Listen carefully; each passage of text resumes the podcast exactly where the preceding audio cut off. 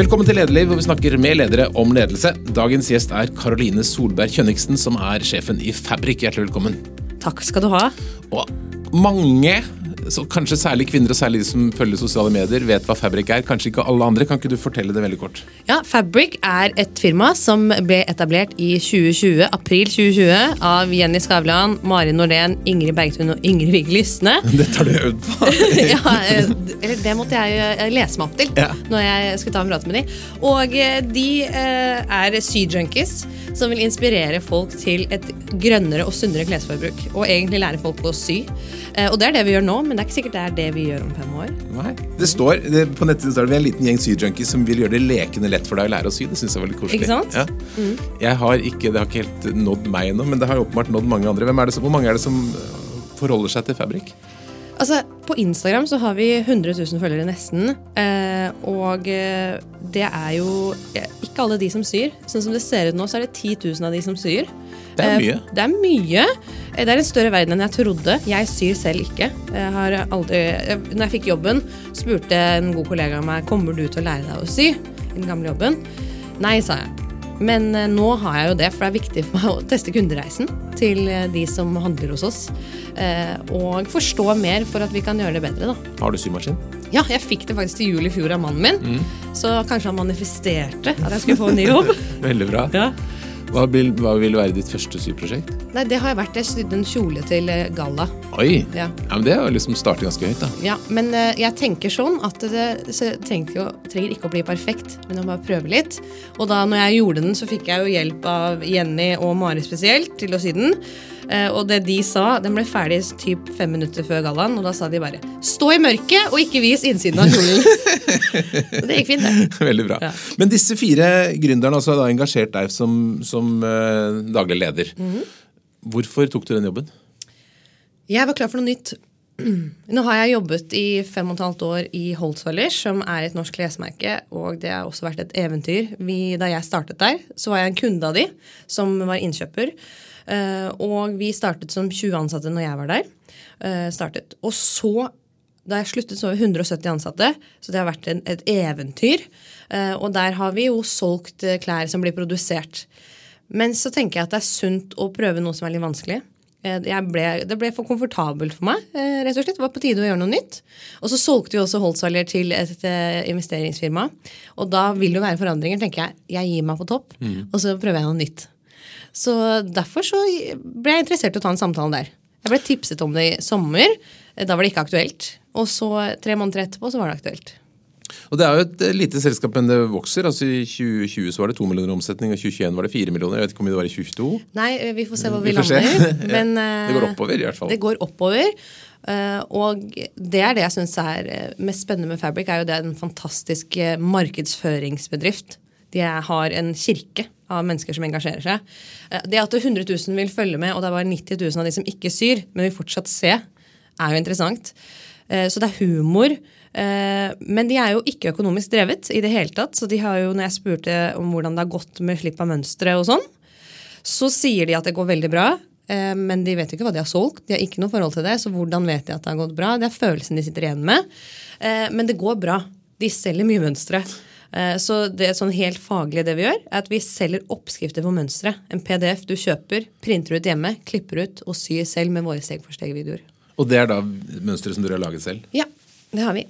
Konstruert det selv. Mari hos oss er jo den eh, som har fagkunnskapen på dette. Da. Det er veldig mye matte i å lage et mønster, har funnet ut av. Hvor mye koster et mønster? Det kan variere alt fra 80 kroner for en slips- og sløyfepakke, helt opp til 280 for festdrakten vår, som er kjempepopulær. Eh, så du kan enten kjøpe en bunad ferdig for 20 30 40 000, eller så kan du sy din egen for 280 kroner. da. Jeg var inne og kikket. Jeg tror kanskje jeg ville startet på slips før bunad. Ja, ja men eh, det kan du si. Men det som er at det er vanskeligere å klippe ut eh, slipsdeler. eh, Det vil jeg si, nei, det er det kanskje ikke. Men eh, festdrakt er et nybegynnerprosjekt. Ok, Ja, faktisk. Det hørtes litt overraskende ut. Ja. Hva er eh, ideen? Hvor stort skal dette bli? Eh, De sier at det er verdensherredømmen de går for. Ja. Eh, Jeg tenker at syr verden er større enn jeg trodde. Jeg tenkte med en gang at nå skal vi etablere og få med de som ikke syr, til å bli en del av merkevaren. Og det skal vi det året som kommer nå. Vi lanserer nye produkter som ikke bare er for de som syr. Det blir kjempespennende. Men vi skal gjøre det enda bedre for de som syr, tenker jeg nå. Eh, lettere kundeopplevelse. Vi har jo sluppet litt stoffer. altså Tilgang på luksusstoffer som Baitimo, Livid, sånne ting. Eh, og det er det rift om. Så mye mer av stoffer til de som syr. Eh, symaskiner. Tekstilkunnskap. Så mye mer av det. Det skal bli stort. Det skal det. Mange snakker jo om nå at bærekraft Det blir enten en bærekraftig firma, eller så blir det kapitalisme. Du må velge. Jeg tror ikke det. Jeg tror vi skal slå det sammen. Mm. Mange grønne arbeidsplasser. Så ja, er, jeg drømmer stort for Fabric. Men du tenker at dere skal sy eller ja, det skal med sying, dere skal ikke selge ferdige klær? Vi skal ikke selge ferdige klær som er nyprodusert. Men det kan godt hende at det kommer en Fabric Vintage. Mm. Mm. Det er spennende. Mm. Hva tror du er driveren for denne syinteressen? Hvorfor gidder 100 000 å følge dette på Instagram? Det er en grønn bølge nå. ikke sant? Eh, folk har lyst til å være en del av eh, det grønne skiftet. Og eh, det er innprinta i Fabric-jentene. Uh, og så er det underholdende, da, det de driver med. Det er underholdning, rett og slett. Så derfor tror jeg folk vil være en eh, del av det. Det er en venninnegjeng du egentlig føler at du er en del av. Og de som følger, hvor gamle er de typisk? Det er det som er så gøy. fordi at de er alt fra, Den største målgruppen vår er fra 22 opp til 60. Ikke sant? Og det er veldig annerledes fra det jeg er vant til i håndsvaller. Eh, hvor vi har en mye eh, mindre målgruppe. Lettere med en mindre målgruppe, fordi du vet akkurat hvilken markedsføring du skal stikke mot i. Men her er det jo sånn som i går, så spiste vi frokost på Sommero. Og da kom en som heter Hege bort, som er fra øh, Hun er voksen dame og er ordentlig ordentlig hardbanka fan og lever brand ut. Hun dro til Oslo for å finne gjenbrukstekstiler og har sydd bukser selv. Så det er alt fra henne til kreative syre som vi har hatt, en Instagram-konto med to jenter på eh, 13-14 år som også er en del av Fabric. Og det er kult. Det er veldig morsomt. Mm. Din vei dit, Karoline. Eh, mm. Hvor tidlig var det du tenkte at du skulle bli en leder? Eh, det tror jeg jeg tenkte da jeg fikk eh, kanskje min første jobb som blomsterdekoratør da jeg var 14 år. Ja, og Der har du skrevet veldig flotte ting om den jobben på, på ja. Eh, profilen din på mm. LinkedIn. Det var gøy. Mm. Fortell om det. Jeg hadde en uh, god leder der. Hun var hard. Uh, og vi måtte dessverre stenge butikken fordi at uh, hun fikk utviklet blomsterallergi. Oi, trist. Ja. Men hun lærte jeg mye av. Hun tok seg tid hun, til å lære meg opp. og det var ikke mulighet til å slurve. Vi jobbet jo med levende produkter, blomster. og når du jobber med folk som inspirerer deg, som tar seg tid til å lære ut bare 14 år gamle jenter, bruker tid på det, da tenker du jeg vil gjøre noe av det samme. Så det, det allerede der så ble sjefsønsket født? Ja, jeg tror det. Det er ikke godt å si. altså. du var elevrådsformann på ungdomsskolen Jeg var det òg, vet du. ja. Så det har kanskje bare alltid vært en person som liker å, å ta ledelse. Storesøster òg, sant. Så jeg, kanskje det bare hele, har vært med meg hele veien. Jeg leser jo en del uh, sånne LinkedIn-profiler da, som en del av den oppgaven. Og, ja. ledig, og jeg synes jo Det som var fascinerende, var at du faktisk har brukt tid til å liksom beskrive da, den 14-åringjobben som blomsterdekoratør, og også kjøttdisken på Meny. og sånn, for det, det, er jo interessant, fordi de, de første jobbene man har, de, de, er jo veldig med på å forme en, men det er ikke alltid ja. man bruker så mye tid på det. Hva lærte du, hva lærte du kjøttdisken? Nei, Der hadde også en god leder. Sant? jeg, jeg, har hatt så flaks med lederne mine. Der hadde jeg en eh, leder som eh, var kokk som Vi hadde jo julebord på Meny, husker jeg veldig godt. og vi skulle lage pinnekjøtt til alle sammen. Tipper vi var 70 ansatte. Og da tok han meg under vingen, og jeg fikk lov til å lage pinnekjøtt til alle for første gang. Eh, og bare det å få ansvaret, få gjøre det selv, prøve og feile. Jeg måtte gå ut og plukke kvister, legge nederst i kjelen, bygge opp. Eh, og det gikk jo bra. Middagen ble en time forsinka, men det ble middag. Så bra. Mm. Og så etter det så flyttet fra, fra da blomster og kjøtt, så var det inn i klær? Ja, jeg var ferdig med Meny. Det var tungt arbeid. Det er veldig tungt arbeid å jobbe i en kjøttdisk. Eh, det er mye slakteprodukter som skal bæres og sånn. Eh, så etter å ha stekt uendelig mye kyllinger, så var jeg ferdig med det. Jeg var ferdig med å lukte eh, stekt kjøtt, rett og slett. Og da eh, var det tilfeldig jeg gikk rundt i Tønnesberg og leverte søknader. Og så kom jeg inn på Bogart, som ble sett på som en veldig high end klesbutikk med mye respekt. Og eh, de så med en gang at jeg skulle bli ansatt. Og de tok meg under vingen med en gang. Og da fikk jeg jobben der. Eh, senere så ringte andre og ville ha intervju med CV-en min da. Men da hadde jeg allerede blitt ansatt på Bogart. Eh, så det var tilfeldig. Men det greip meg. Jeg skulle jo rett ut og studere. Jeg trodde at jeg skulle studere juss. Eh, det skjønner jeg jo nå at jeg aldri kunne gjort. For jeg er jo veldig dårlig til å, å konsentrere meg om å lese. Men eh, klesbransjen det tente du på. Hva var det som var gøy på Bogart? Service. Kundeservice. Kundeopplevelsen. Hele eh, verdi Altså det tekstilkunnskapen. Kunnskap om klær. Og det å forstå hva som er forskjell på eh, tekstilen og hvordan de lever på kroppen. Jeg har alltid likt å kle meg ut. Det er en sånn klisjé som det. ikke sant? Og det å da få lov til å kle opp andre, det var veldig kult. Men Bogart gjorde et enormt inntrykk på meg. Der lærte jeg f.eks. at de, de du tror har penger, har ikke penger. Og de du ikke tror har penger, de har penger. Så der eh, lærte jeg det eh, hardt og brutalt, og det var veldig bra. Eh, og så har du, når du Jeg solgte jo dress til menn der. Og jeg husker 22. juli, Utøya. Vi alle ble berørt av det. Og den sterkeste opplevelsen jeg har etter det, det var jo det at eh, vi kledde oss jo alle i sort da. Eh, og så kom det en far og sønn inn og skulle kjøpe eh, sort dress. Og så spurte jeg jo da hvilken anledning det var. Da var han så ærlig å si at det var fordi han skulle begrave dattera si, som hadde dødd på Utøya. Og den, å balansere den fra noen som skal begrave datteren sin, til de som skal gifte seg, da må du switche om ganske fort, fordi den kunden kan komme rett etter hverandre. Mm. Hva lærte du om salg? Hvordan skal man selge? Jeg tror generelt å være nysgjerrig Altså, Du må tilpasse deg til alle mennesker. Ikke sant? Alle mennesker er jo forskjellige. Jeg vil jo tro at du kanskje vil bli likt og solgt til på en annen måte enn f.eks. naboen din. Så jeg tror du må bare lese menneskene der. Og behandle alle med respekt uansett hva. På Bogart så hadde vi jo Utenfor der så var det alltid en som solgte deg like, ikke jeg liker Oslo, men det er for Tønsberg, da. Mm. Uh, og han uh, serverte vi jo uh, Jeg spurte alltid om han ville ha en kaffe. Det ville han ikke ha, for det var for sterkt for han, sa han, å drikke kaffe. Han var narkoman. Men han var en så fin fyr. og en dag så kom han inn, og så sa han sorry, jeg har stjålet den klokka her av utstillingsvinduet deres. Jeg glemte at det var deres butikk, og ga den tilbake. Så jeg tror det der at alle behandler alle mennesker med respekt, det er en av de viktigste tingene for å selge, da. Jeg har jo bakgrunn fra Min, min periode på videregående skole var i fotobutikk. Så jeg, ja. Det var der jeg lærte salg. Så stort sett alt som vi har gjort av salg i Apland, er basert på det jeg lærte i fotobutikken. Det, man skal ikke undervurdere de der Hva er det du tar med deg mest derfra, da? Ja, det var, det, Men det, det, går mye på det samme. Eh, og så er det noe med Gjøre valg, gjør det enkelt for kunden. Altså, ja. Ikke komme med for mange alternativer, ikke gjøre det for, for vanskelig. Og så er det et par andre grep som vi får ta litt. Ja. Som at det skal handle om deg nå.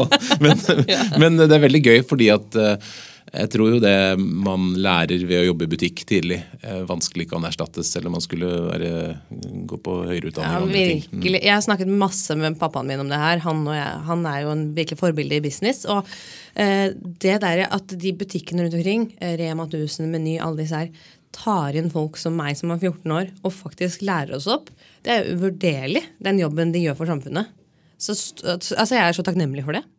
Men så fra Bogart så gikk du til Karma, som var en nettbutikk. Så da åpnet nettet seg for deg? Da, altså, Karma var den første butikken, klesbutikken i Norge som hadde nettbutikk. Det wow. starta med en blogg.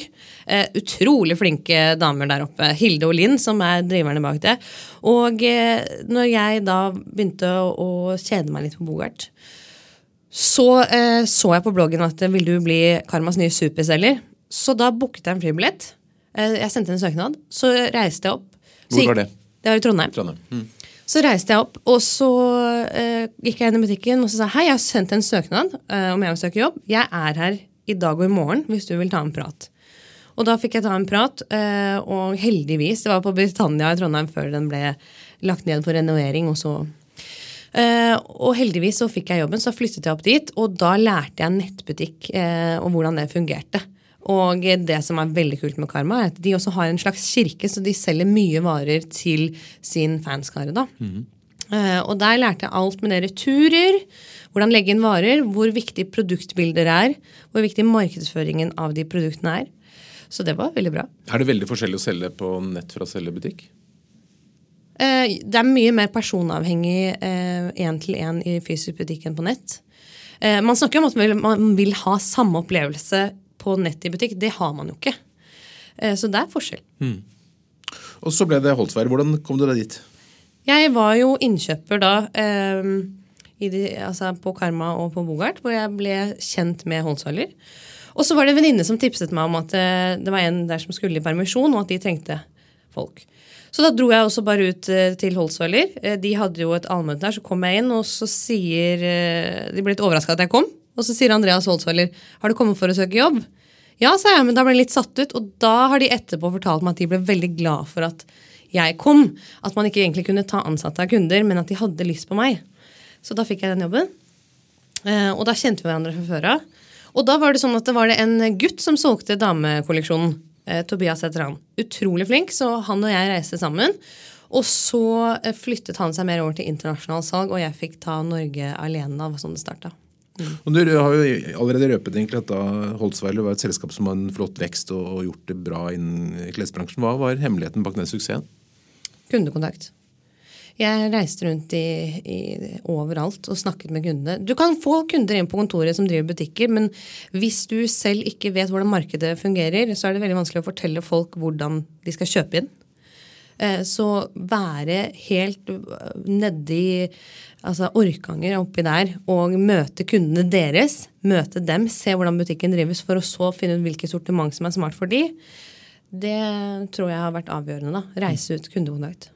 Og så har, du, har, vi snakket om at du gikk fra Holtzweiler til Fabrik, men det er litt sånn greie innimellom der. for du, du, under, under, pandemien så startet du et selskap, eller startet virksomhet. Hva var det? Nei, det stemmer. Eh, Covid kom, full lockdown. Jeg startet Streamy. Streamy er en eh, plattform som selger billetter til livestream. Eh, eh. Og det som er greia her, er det at jeg hadde jo ingenting i den bransjen å gjøre. Men jeg hadde venner som jobbet ikke som musikere, men som teknikere. Og jeg bare, når covid kom, så trodde vi at det var verdens undergang. Men vi trodde jo først at det bare skulle gå utover musikkbransjen. Så ringte jeg noen venner og så sa jeg, hva skal vi gjøre med deg, liksom? Jeg har en idé. Jeg har sett at uh, i pornobransjen så er det jo bak betalt uh, mur. Så det må jo kunne gå an ellers også å ha betalingsløsninger. Og så var det jo en del som ikke trodde på det. Uh, men så ringte jeg til en som heter Thomas, som jeg jobbet med i Bogart, som er utrolig god på dette her med programmering og sånn. Han var med. Mm -hmm. og så ringte jeg Pia, som er også en god venninne som driver et par andre selskaper. En av de flinkeste selgerne jeg kjenner. Hun var med. Og så mens Thomas programmerte, så solgte Pia og jeg. Og fra idé til vi var live, så gikk det to uker. Og da hadde vi også para oss opp med en drive-in-scene i Lillestrøm. Og vi solgte jo tusenvis av billetter med en gang. Så det var en suksess fra start. Så da var konseptet at bandet stilte opp, og så satt man hjemme og så på og betalte for det? Helt riktig. Eh, men eh, nå har vi bevega oss mer fra ikke musikk, men til eh, komedie, standup, mer sånn. Og det er nok fordi at det er stor forskjell på å oppleve musikk ekte og det å oppleve standup ekte. Det som er kult med streaming, er at du kan chatte direkte med underholderen. Så du kan skrive i kommentarfeltet, og så har du en moderator som leser opp og stiller spørsmål i salen. Og vi har jo hatt veldig suksess med f.eks. Tussvik og Tønne der, hvor det er folk som sitter fra hele landet og vil være en del av det, men bor ikke i Oslo. Og hvordan kan du få de her som sitter eh, andre steder, f.eks. har barn som har, eh, de må legge, eller har sosial angst som ikke kommer seg ut. Det er veldig inkluderende for de å være en del av dette. Ikke bare sitte og se på TV, men kunne chatte med andre også. Så det har vært en megasuksess sånn sett, eh, som var egentlig bare hvordan kan vi få flere med, var tanken. Hva er, planen videre med streaming? Ja, så Det som er eh, problemet med gründerselskaper, er jo det når de ikke har noen som eier det 100 alle vi som starta det, har andre jobber også. Eh, og det i dag drives av Det går av seg selv. Eh, så planen videre med streaming nå er å eh, fortsette sånn som vi gjør. At vi jobber litt med det på siden enn så lenge. Og så kommer det show der som selger av seg selv. Vi har egentlig ikke noen klar plan for den da. Det ruller og går av seg selv. Vi får ja. se. det er deilig med sånne selskaper. Ja. Ja. Men nå har du fått en litt spesiell jobb, da, for nå skal du være leder. Første leder for uh, fire ansatte som eier deg, egentlig. Så det, hvordan går du til den oppgaven å skulle prøve å lede de som er eierne og sjefene dine? Ja, nå er Det sånn at Jeg er faktisk ikke første leder. De hadde jo en daglig leder okay. fra før eh, som var litt, handla litt tilfeldig inn i det. Som slutta fordi hun skulle over til noe annet. Så flaks for meg, sånn sett.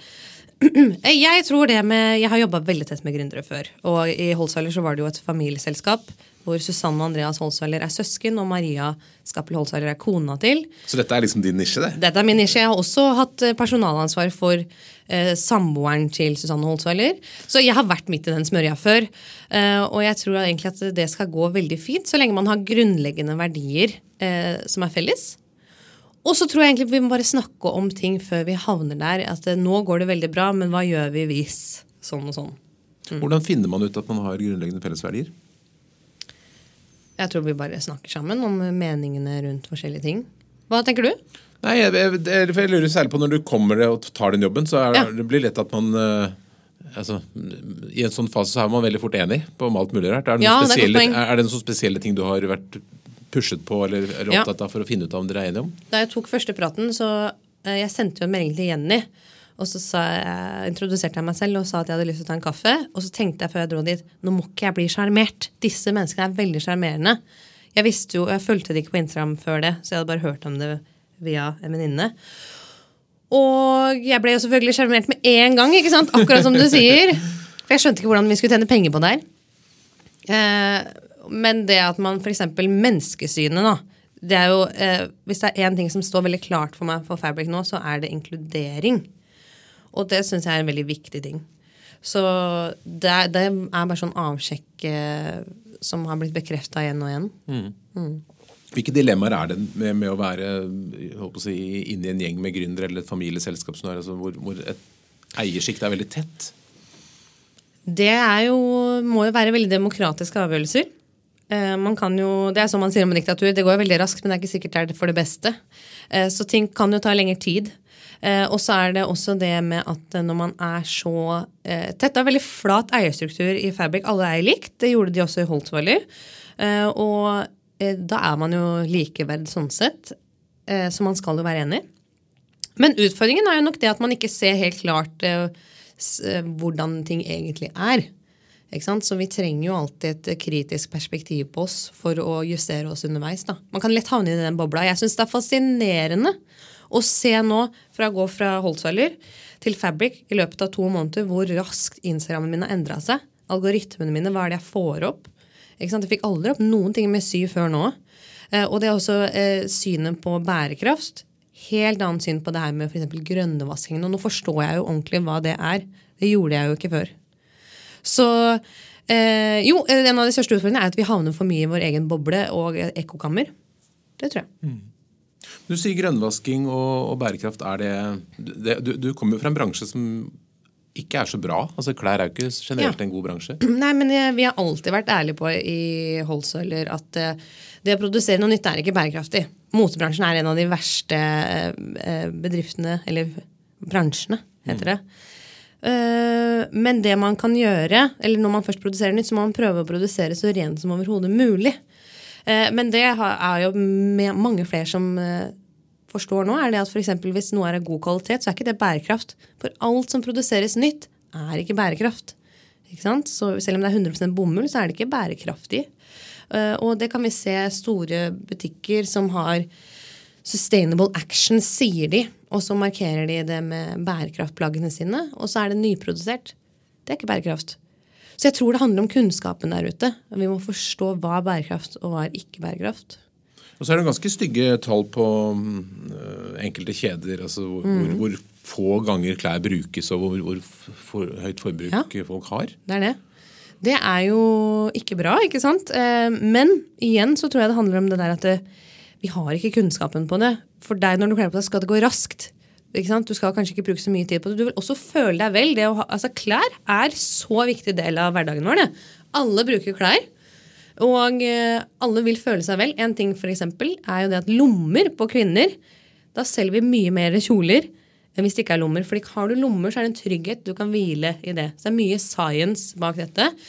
Eh, og eh, det med at ting blir brukt flere ganger, er jo det viktigste. Det vet du jo ikke før du har prøvd det heller. ikke sant? Det er derfor det å sy klær selv det er den beste måten å få noe som sitter bra på. Men eh, jeg forstår det at alle kommer ikke til å begynne å sy. Så eh, vi jobber med et veldig spennende prosjekt i Fabric nå, som er hvordan kan vi få eh, et måleverktøy som tilpasser til kroppen, som jeg tror er veldig spennende, som jeg håper kan være med å revolusjonere litt. da. Spennende. Men uh, hvordan bruker du klær selv? Altså, når du går på jobben, eksempel, Hvordan tenker du rundt hvordan du kler deg? Nei, Jeg tenkte på det når jeg kom hit i dag. Eksempel. Mm. okay, hvordan skal jeg kle meg i dag? Skal jeg kle meg litt mer konservativt, eller skal jeg være litt mer leken? Og eh, dessverre så er det jo sånn at eh, eh det er veldig stor forskjell på kvinner og menn. Jeg så dokumentaren til Hillary Clinton om hvor mye tid hun har brukt på hair og makeup i forhold til sine konkurrenter som ikke trenger det. Eh, og det var snakk om mange dager, altså. Og det gir jo en eh, ulempe for kvinner i samfunnet. Men så forstår man jo også det, hvor viktig det er, og derfor sitter hun i den stolen og gjør det. Eh, og det er litt det samme for meg også. Jeg har veldig lyst til å røre litt opp i det der om at kvinner må gå i blazer og dress. Men se på meg nå, hva er det jeg har på meg? Jeg har på meg blazer og dressbukse, jeg! Men det er også fordi at jeg liker å gå i det. Ja. Og det er sikkert fra Bogart, hvor jeg solgte dress til menn. Du, fått, du, ble preget av å jobbe i dressavdelingen? Det er klart. Ja. Men for, det betyr um, de, de, klærne, det, det, vet du kanskje ikke, men de som syr klær for, uh, med, fra Fabrik, er det, er det, jobbklær eller er det fritid, fest? Hva slags klær er det folk liker å sy? Oh, det er veldig bra spørsmål. Det har jeg lyst til å spørre følgerne våre. Mm. Eh, men uh, vi ser at veldig mange syr kjoler til selskaper til større anledning. Tar, altså, det å sy selv, det er slow fashion. Det går ikke raskt. Så her er det sånn at Eh, Festdrakt f.eks. er jo en av våre mest solgte mønstre. Eller Easy Peasy Pants, som er den letteste buksa å sy. Det, det, er, det, kan, det, kan, du gjøre, det kan jeg gjøre. Eh, så eh, det er nok Det å sy klær selv, det gir makt, egentlig. Du kan, bruke, du kan lage akkurat det du vil, og det kan sitte perfekt. Jeg får litt, får litt lyst til å si her nå. Ja, Men tilbake til din lederrolle i Fabrik. Hva, hva slags leder er det du har solgt deg inn som å være? Jeg har troa på menneskeheten. Jeg tror ikke at mennesker generelt, eh, hvis de gjør en feil, er onde, f.eks. Eh, sånn at det, det, må være lov å gjøre feil. Eh, vi kommer til å feile, og da er det hvordan vi eh, behandler de som gjør feil hos oss. Eh, og så er det sånn at det å være en leder for meg er ikke å gå foran. Det er egentlig å legge til rette for det de andre gjør. Min svigermor, når jeg fikk første lederskilling i Olsvaler, sendte hun meg et bilde av en ulveflokk hvor du får på en måte forklart da at eh, de som går foran, det er de sterkeste i flokken. De som eh, går i midten, det er de unge. Og de som går bakerst, det er de gamle. Og helt bak der går lederen og sørger for at alle er med. En sånn leder har jeg lyst til å være. Jeg vil ha med alle. Fordi jeg klarer jo ikke å gjøre Fabric stort alene. Det er jo hele gjengen.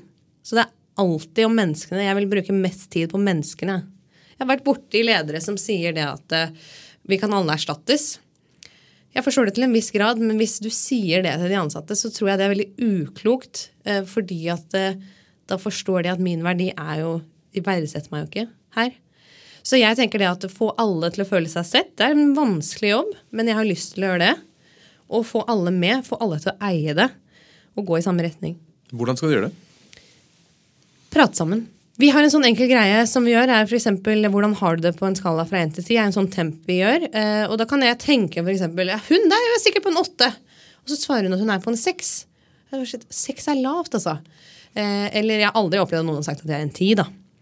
Eh, men hvis du er nede på 4, da vil jeg blitt bekymra. Bare sånn liten temp der at folk kan snakke sammen, er jo greia hele veien. Tror jeg. Hvordan har du det nå? på en skala fra 1 til 10? Ja, nå har jeg åtte, vil jeg si. det er veldig, veldig ja. hyggelig. Hva med deg? Jeg har det veldig bra. Jeg tror jeg er på 10. Oi, uh, er men, første tieren. Ja, men, men, men uh, når du, um, du, du har nevnt noe, men er det andre opplevelser underveis med alle disse arbeidsgiverne som, som, du tenker har virkelig formet ditt syn på ledelse? Ja. Absolutt mange hendelser. Jeg husker jo eh, tilbake til Bogart, hvor jeg trodde at dette går bra, denne jobben her fikser jeg veldig bra.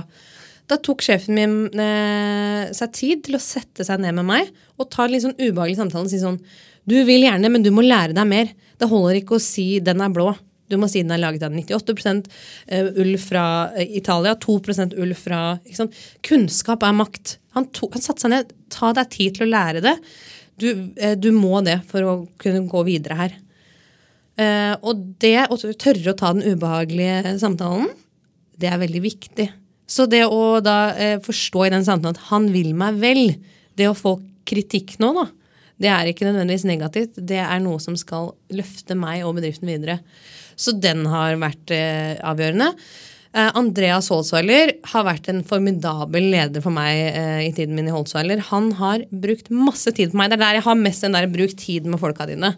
Han har sett meg, prata med meg, vært personlig med meg, satt tydelige mål, satt hårete mål. Eh, og, så det har vært eh, bra. Du er jo eh, selger, liksom sel selgerhue, og selger er ofte veldig sånn økonomisk motivert. Ja. Og tall og sånn. Er det det som gir deg kick òg? Uten tvil. Jeg elsker tall. Mhm. Selv om jeg fikk to i matte, så elsker jeg tall. Eh, Der er vi faktisk to. Jeg har også to Jo, i matte. gjorde du det? Ja, Men er glad du selger? Jeg, er- jeg er selger og glad i tall, ja. Ikke sant? Men jeg tror det at eh, dataen er eh, kunnskapen vår, og det er den vi skal bruke. Jeg liker ikke argumentasjoner som 'jeg tror'. Eller eh, innkjøpere også har sagt der 'jeg vil ikke ha på den'.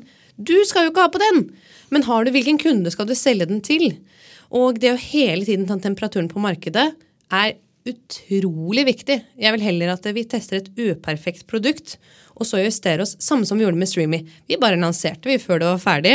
Vi hadde jo i, i en test eh, Astrid S sitter da og synger en sang på testen vår, og managementet hennes, Universal og sånn, ser på som en test, og de sier det er bedre å la være enn å gjøre det.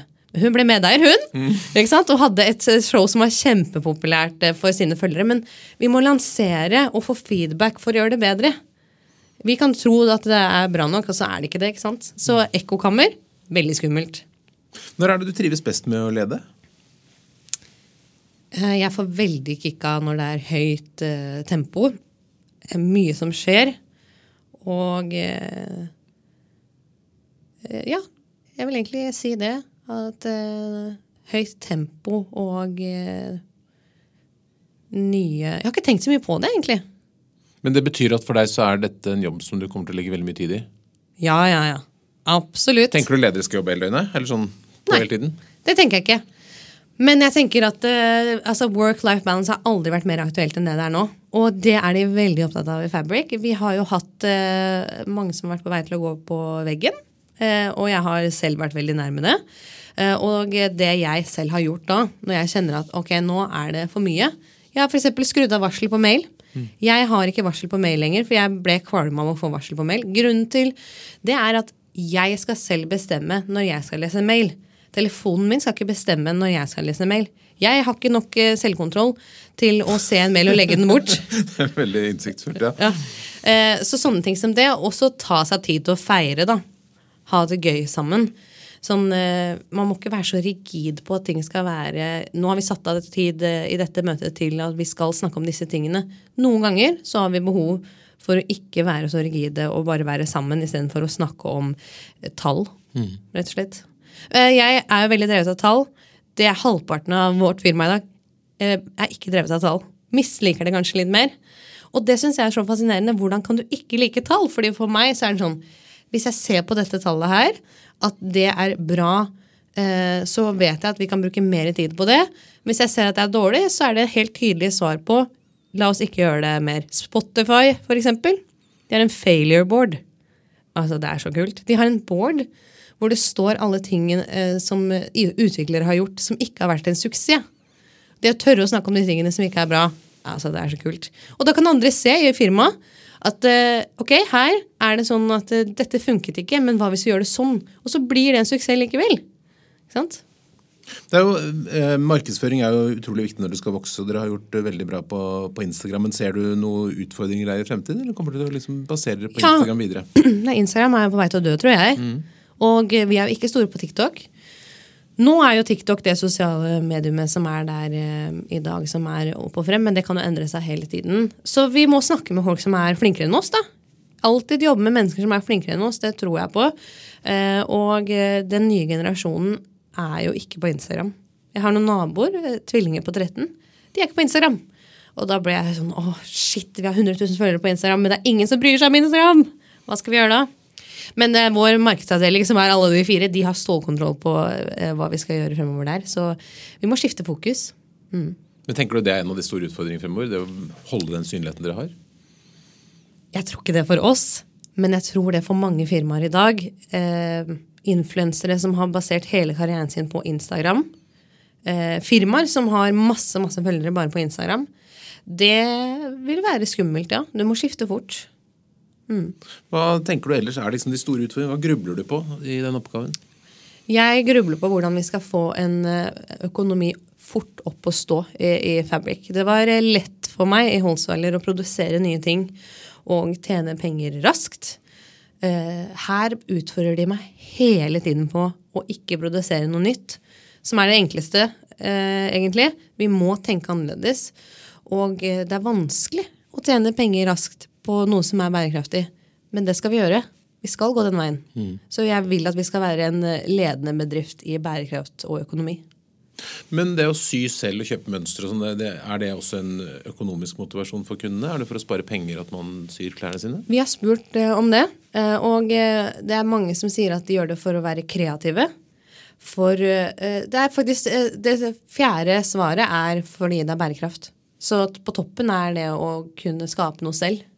Så er det vel litt sånn Kan jeg tenke meg litt sånn håper å si mindfulness i dette, at man roer seg litt ned òg? Ja, eh, det diskuterer det vi. Det, på ja, det hvor mye kontroll man føler man har, kanskje. diskuterer det på kontoret, fordi de syns at det er mindfulness nå. Vi har en som er i permisjon, som er tilbake for å sy på kontoret nå fordi det er Vixen Awards på fredag. Så skulle hun sy et antrekk til det, og hun bare 'Å, det er så deilig å være tilbake og sy'. Mens for meg er det sånn Jeg starter for seint med å sy. Jeg skal bli ferdig til en fest. Jeg får det ikke helt til. Det kunne blitt bedre, men jeg må gå. Altså, Uberen står der, altså mannen min er klar, vi skal et sted. Da ble det som det ble, og da er det mer stressmoment, kanskje. ikke sant? Så det kommer litt an på. Men hva grubler du mest på? Hva tenker du er vanskelig i den jobben din? Eh, nei, det er det her med å tjene penger fort, da. Eh, vi, vi, vi snakker jo veldig høyt om at vi vil være mange ansatte. Eh, vi kommer jo ikke til å være mange ansatte i år. Hvordan kan vi bruke de ressursene vi har nå for å løfte det til neste nivå? Eh, vi skal klare det veldig bra i år, og så håper jeg at vi, styret, enes om at pengene vi tjener i år, skal investeres til videre vekst i 2024. For jeg ser veldig tydelig hvilke steg vi må ta. Tror jeg nå, da. Kan det godt hende jeg tar feil. Eh, men det trenger vi flere ressurser. Mm. Så få, få opp økonomien for å kunne ansette flere for å ta det videre, da. Har du noen forbilder eller noen selskaper du ser på som tenker at dere skal prøve å etterligne? Ja, men jeg kan jo altfor lite om de, da. Men jeg syns f.eks. Uh, selskaper som påvirker hverdagen min ekstremt, det er jo Oda. Mm. Oda vil jeg si har vært et revolusjonerende selskap for min hverdag. Eh, jeg bruker eh, veldig tid på å handle. De leverer til meg hver eneste søndag. Eh, så den tidsbesparelsen der har vært fantastisk, eh, og servicen er alltid veldig bra. Så de jeg absolutt syns jeg jo er flinke, da. Det er et selskap, eh, Men det er vanskelig å finne et selskap som er likt som Fabric å sammenligne med. Er ikke det deilig? Ja, men jeg syns det er bra med konkurrenter! ja. Noen puster deg i nakken og som sier sånn nå, Søren, nå gjorde de det. Vi, hva skal vi gjøre? Ikke sant? Det er veldig interessant. For noen det, det ser jo det som det perfekte, det å være unik. Jeg, jeg traff en gang disse som hadde um, Ferrero Rocher, altså Ja. eh, sjokoladefabrikken. De hadde, en, de hadde en forretningsidé som gikk på at deres produkter skulle være helt unike. De skulle ikke ligne på noe annet. De har jo TikTok Tac Ja, ja. Og, og Kinderegg og et par sånne andre produkter som det ikke ligner, det er ingenting som ligner. og Det var liksom hele deres greie. De skulle lage noe som ingen andre hadde. Og det er jo en fantastisk deilig situasjon å være i. Kanskje dere bare skal være helt superunike. Det kan godt hende. Men jeg tenker også det at eh, det er, når, som selger så har du jo selgerkollegaer i min forrige firma som også gjorde det bra. Vi hadde jo f.eks. Camilla Pil, og er jo et eh, brand som eh, vi også hadde i Holsweiler. Eide sammen med de. Og når de begynte å gjøre det bedre og bedre, så er det sånn Herregud, så bra jobba. Og så bare sånn Men faen, jeg skal knuse de neste gang. Unnskyld språket. Men jeg tenker at det er en motivasjon for meg å klatre oppover litt den amerikanske modellen sånn sett, da. Hvordan tenker du at Fabrik skal se ut når du har holdt på der no- noen år? da? Uh, Fabric i 2027, som vi sier, eh, er jo noe helt annet enn det det er i dag. Det er en app som er en veldig stor del av businessmodellen vår. Eh, Jenny har jo veldig mye kunnskap fra Tice, ikke sant? så eh, det vil vi jo mer inn på. Altså app og abonnementer. Og så Ok, drømmescenario. Fem år. La oss si det. Da er Fabric eh, 50 ansatte. Eh, fordi vi har 50 grønne arbeidsplasser. Vi har ikke firmabil. Vi har, alle har firmasykkel. Eh, og eh, vi er ledende på dette med bæ bærekraft og tech. Det tenker jeg, det hadde vært ganske kult. Det er kult. Helt til slutt, Karoline, Hvis det kommer en ung person til deg og har lyst til å bli leder, sånn som du nå er, hva er de tre viktigste lederrådene du vil gi? Aldri tro at du vet best selv. Alltid være nysgjerrig. Og så det viktigste av alt flokken rundt deg. Ha folk med deg. Bygg nettverket ditt. Det kan være nettverket ditt, kan være så enkelt som eh, hjemme. Har du noen i familien din du kan snakke med og rådføre deg med? Har du noen i vennegjengen din? Eller har du kollegaer du kan alliere deg med for å alltid spare ideer? Det tror jeg er liksom nøkkelen.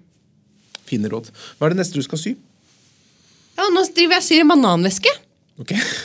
Til alle bananene mine. Nei, det er en væske som er forma litt som en det ser ut som bananklasse. Og det er fordi at vi skal jo på Vixen Awards eh, nå på fredag. Og der eh, har vi da eh, laget antrekk av deadstock denimstoff, så vi har sydd kjoler. Og så har ja, hva vi betyr det? Deadstock ja, Denim? ja, ikke sant. Det er eh, stoffruller som bare ligger på lager og aldri blir brukt. Aha. Så det er masse overproduksjon rundt omkring. og ting som ikke blir brukt. Så vi har vært så heldige å fått kjøpe det av Livid. Så syr vi da eh, antrekk av dette. Og så har vi da denne bananvesken til, som er printa da silkeprintet. Eh, silketrykk. Eh, med monogrammet vårt æ på veska. Og også med dette silketrykket så vil det så veldig viktig budskap inni og utenpå kjolene til de andre jentene om bærekraft. Så det gleder jeg meg til å vise frem. Kult. Tusen takk for at du kom til Lederliv, og lykke til med alt arbeidet du skal gjøre. Takk skal du ha. Takk for at jeg fikk komme. Lederliv er en podkast fra Apeland. Redaksjonen består av Ingrid Hogneland, Lars Volden, Lars Jarle Melum og meg som heter Ole Kristian Apeland. Vi treffes på e-post olatapeland.no hvis du har ris, ros, tips om ledere, kjeft, hva som helst. Bare send. Takk for at du lytter.